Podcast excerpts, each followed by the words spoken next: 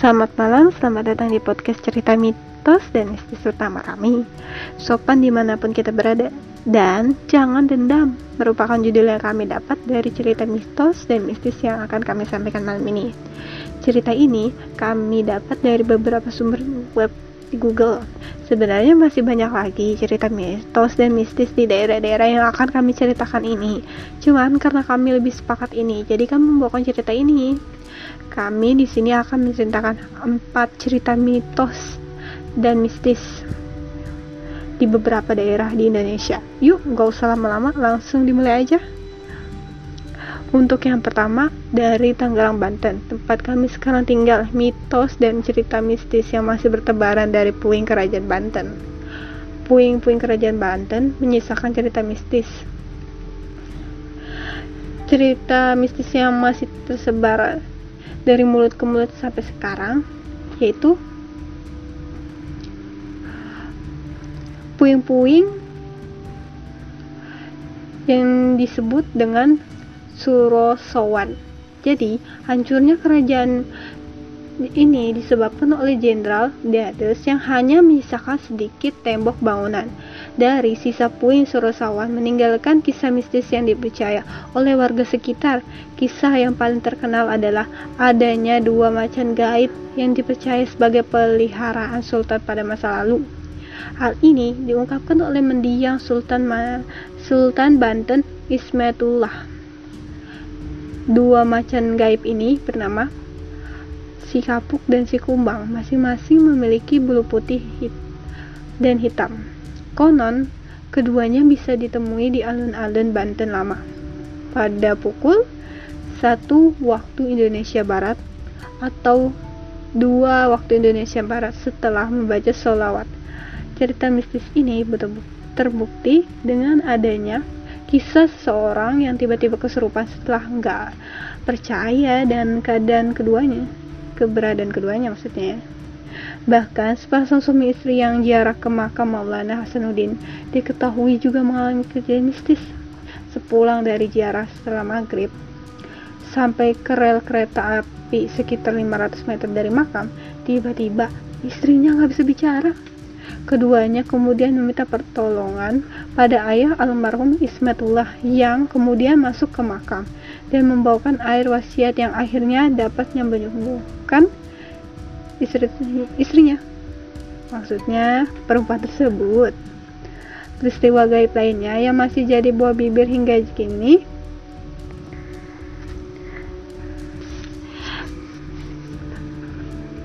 Peristiwa gaib lainnya yang masih jadi buat bibir hingga sekarang yaitu dilihatnya jemaah sholat dengan pakaian putih di depan keraton Surosowan. Jemaah itu jalan ke sungai ke Padean lalu hilang. Padahal keraton Surosawan dan Masjid Banten telah ditinggalkan penghuninya. Kini, area tersebut telah menjadi hutan belantara dan semak belukar, ada pohon beringin serta pohon sawo. Bahkan, berbagai binatang seperti ular, ayam hutan, dan macan kecil sebesar kucing masih sering terlihat hingga awal 2000-an. Masyarakat sebelumnya telah melakukan pembersihan tahun 1942 sampai 1943 dengan ilmu goib seorang tokoh. Hewan berbisa seperti ular digiring menuju Gunung Pinang, bahkan tanpa disentuh dalam Ensiklopedia Banten, ular tanah berasal dari Banten. Ular tanah sangat berbisa. Jika menggigit manusia, bisa menimbulkan kematian. Katanya, setelah menggigit manusia, ular ini akan dicari oleh ular sesamanya untuk dibunuh. Kecuali jika ular tersebut telah menemukan air dan meminumnya. Untuk yang kedua, yaitu alas kubang kangkung Kauwateng Cilacap. Dulu mitosnya angker, kini ramai dilalui. Kalau di Banyuwangi ada alas roban, bernama alas Purwo. Yang konon pusat berkumpulnya makhluk astral, namun di Cilacap juga ada. Nama Alas Kubang Kangkung masuknya wilayah Kecamatan Kabupaten Kabupaten Cilacap, Jawa Tengah. Alas Kubang Kangkung adalah hutan yang ditumbuhi pepohonan jati. Di sini juga terdapat jalan besar yang amat vital, di mana jalan tersebut adalah jalan provinsi yang mana akses jalannya bisa menuju ke Pangandaran Ciamis Kota Banjar. Kota Banjar, Jawa Barat dan juga ke timur bisa menuju Wangon Banyumas, Jawa Tengah. Alas Kubang Kangkung ini memang memiliki mitos yang angker. Selain itu, di jalan tersebut juga terdapat hutan jati yang panjang. Bila pada malam hari melaluinya, suasana begitu mencengkram dan menyeramkan. Hampir tidak dijumpai rumah-rumah para penduduk di sekitar jalan tersebut Kisah horor dan mistis di area tersebut sudah ada dari sejak lama hingga sampai saat ini. Kawasan hutan memang tergolong tempat kegemaran makhluk-makhluk astral. Konon, cerita menurut pengendara yang melintas di daerah tersebut ada yang pernah diganggu atau hanya ditampakkan sosok lelembut ke pengendaraan yang melaluinya. Di area tersebut memang tidak dijumpai rumah, namun dijumpai para pedagang atau penjual goreng dan air dengan kelapa muda. Jika di siang hari, para pengendara juga banyak yang berhenti beristirahat di area sekitar.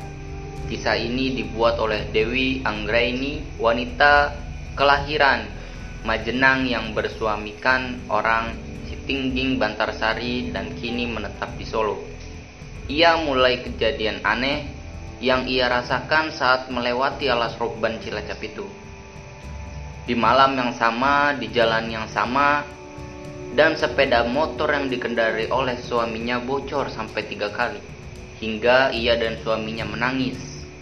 Saat itu, tepatnya pada tahun 1997, di mana saya dan pasangan saya pergi ke rumah sakit di Cilacap, dan untuk melaluinya harus melewati alas kubang kangkung. Saat itu malam hari sekitar pukul jam 10 waktu Indonesia Barat. Kejadian aneh oleh saya dan pasangan di mana ban sepeda motor kami bocor tiga kali di tempat yang sama. Pada akhirnya kami berjalan sembari menuntun sepeda motor mencari tukang tambal ban, larangan, dan pintu-pintu. Kata dia, masih menurutnya saat sampai tepat tambal ban, si tukang tambal bannya harus sesuai dengan alas kubang kangkung. Ini harus permisi atau setiknya setidaknya klakson.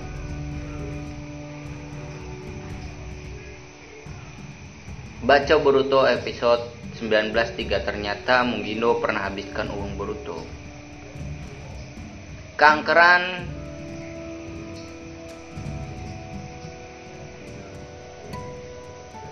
Saya dan suami saya nangis waktu itu sebab bocor sampai tiga kali. Namun tukang tambal bannya jika lewat alas kubang kangkung harus permisi.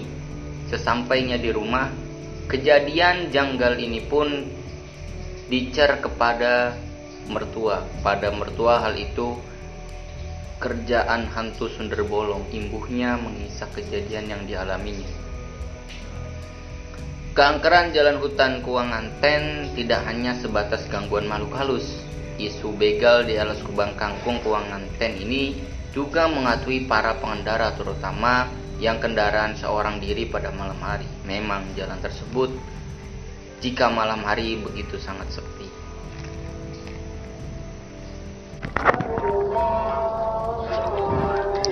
Nah, buat yang ketiga ini, kami akan menguak misteri di balik sakralnya Kampung Pitu, Gunung Kidul, Yogyakarta, di mana Gunung Kidul terkenal dengan sakralnya yaitu Nyi Roro Kidul Pantai Selatan. Tapi kami akan menguak misteri di balik sakralnya Kampung Pitu, daerah Gunung Kidul, Yogyakarta. Di sisi timur Gunung Api Purbang Langgeran ada sebuah kawasan sakral bernama Kampung Pitu memiliki peraturan unik. Kampung ini hanya boleh dihuni oleh tujuh kepala keluarga, tidak boleh kurang dan tidak boleh lebih. Selain itu, mereka yang boleh tinggal dan bermukim di tanah yang terletak di dusun Ngelanggaran Wetan ini hanyalah keturunan dari Eyang Iro Kromo. Dia adalah orang yang pertama kali tinggal di kampung Pitu ribuan tahun lalu. Karena adanya peraturan tersebut, tanah seluas 7 hektar itu kini benar-benar hanya dihuni 7 kakak dengan total 30 orang penduduk dan 8 bangunan rumah. Meski masih banyak tanah dan tidak ada orang luar yang berani menjadi pendatang baru dan bermukim di kampung Pitu saking kelewat sakralnya. Menuntaskan rasa penasaran, tim suara Jogja.id bertandang langsung ke kampung Pitu. Di sana kami menemui sang juru kunci, Rico Dimulyo yang merupakan cicit dari Eyang Irokromo. Menyapa kami dengan hangat Reco yang sudah berumur 103 tahun masih begitu bersemangat menceritakan seluk-beluk kampung Pitu.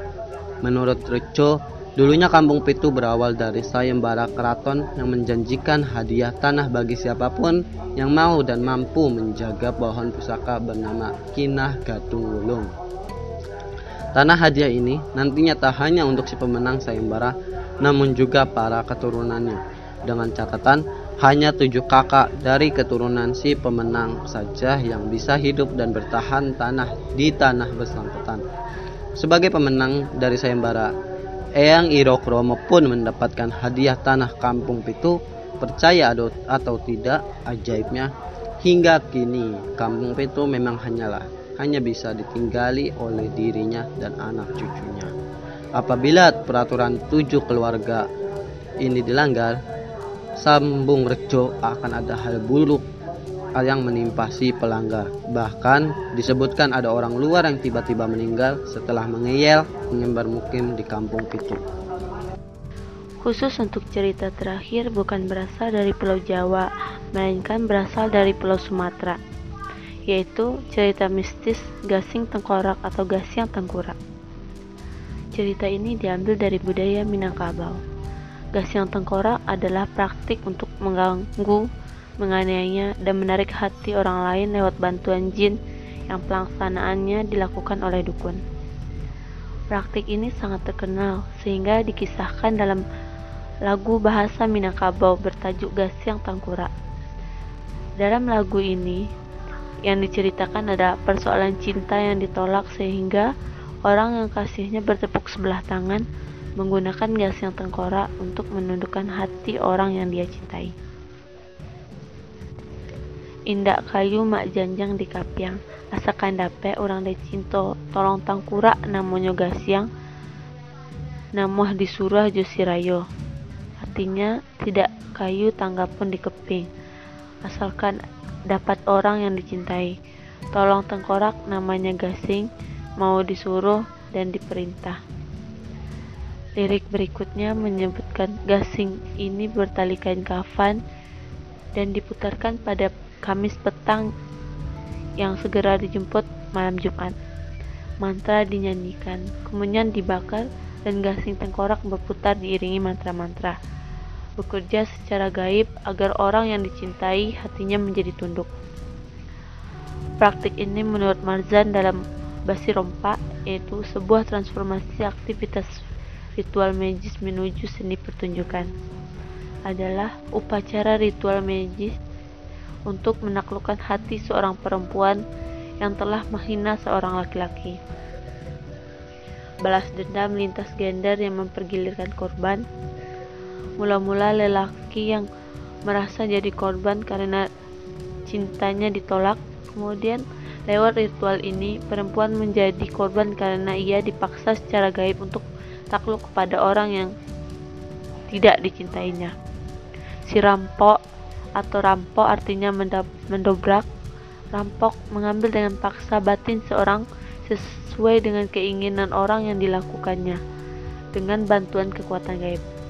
Proses ritualnya dilakukan secara diam-diam agar tidak diketahui oleh orang lain.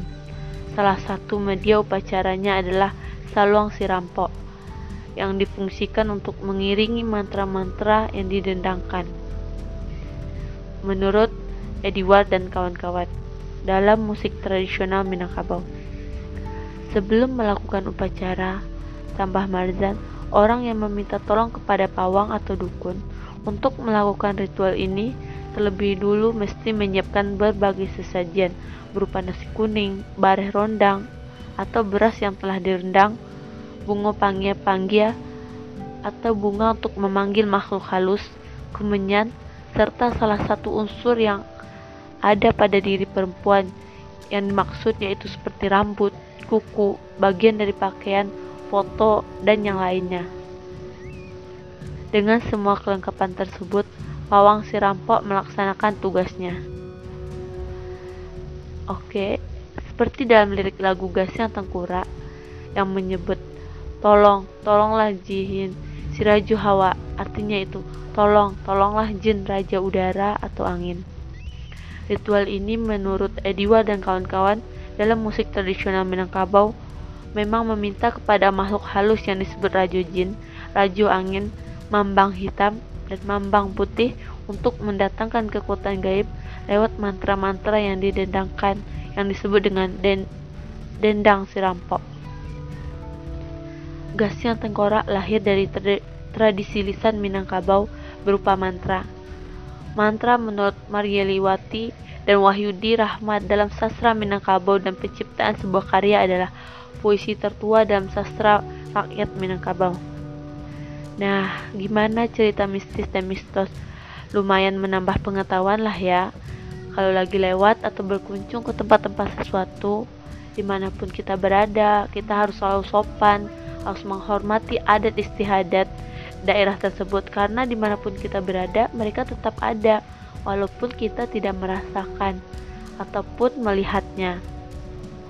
Jadi, bila cintamu ditolak, mungkin cintamu terlalu berharga untuknya. Jadi jangan balas dendam. Siapa tahu jodohmu akan didekatkan atau lebih dekat denganmu yang tidak kamu sangka-sangka. Cukup sekian dari kami. Selamat malam. Assalamualaikum warahmatullahi wabarakatuh. Arigatou gozaimasu.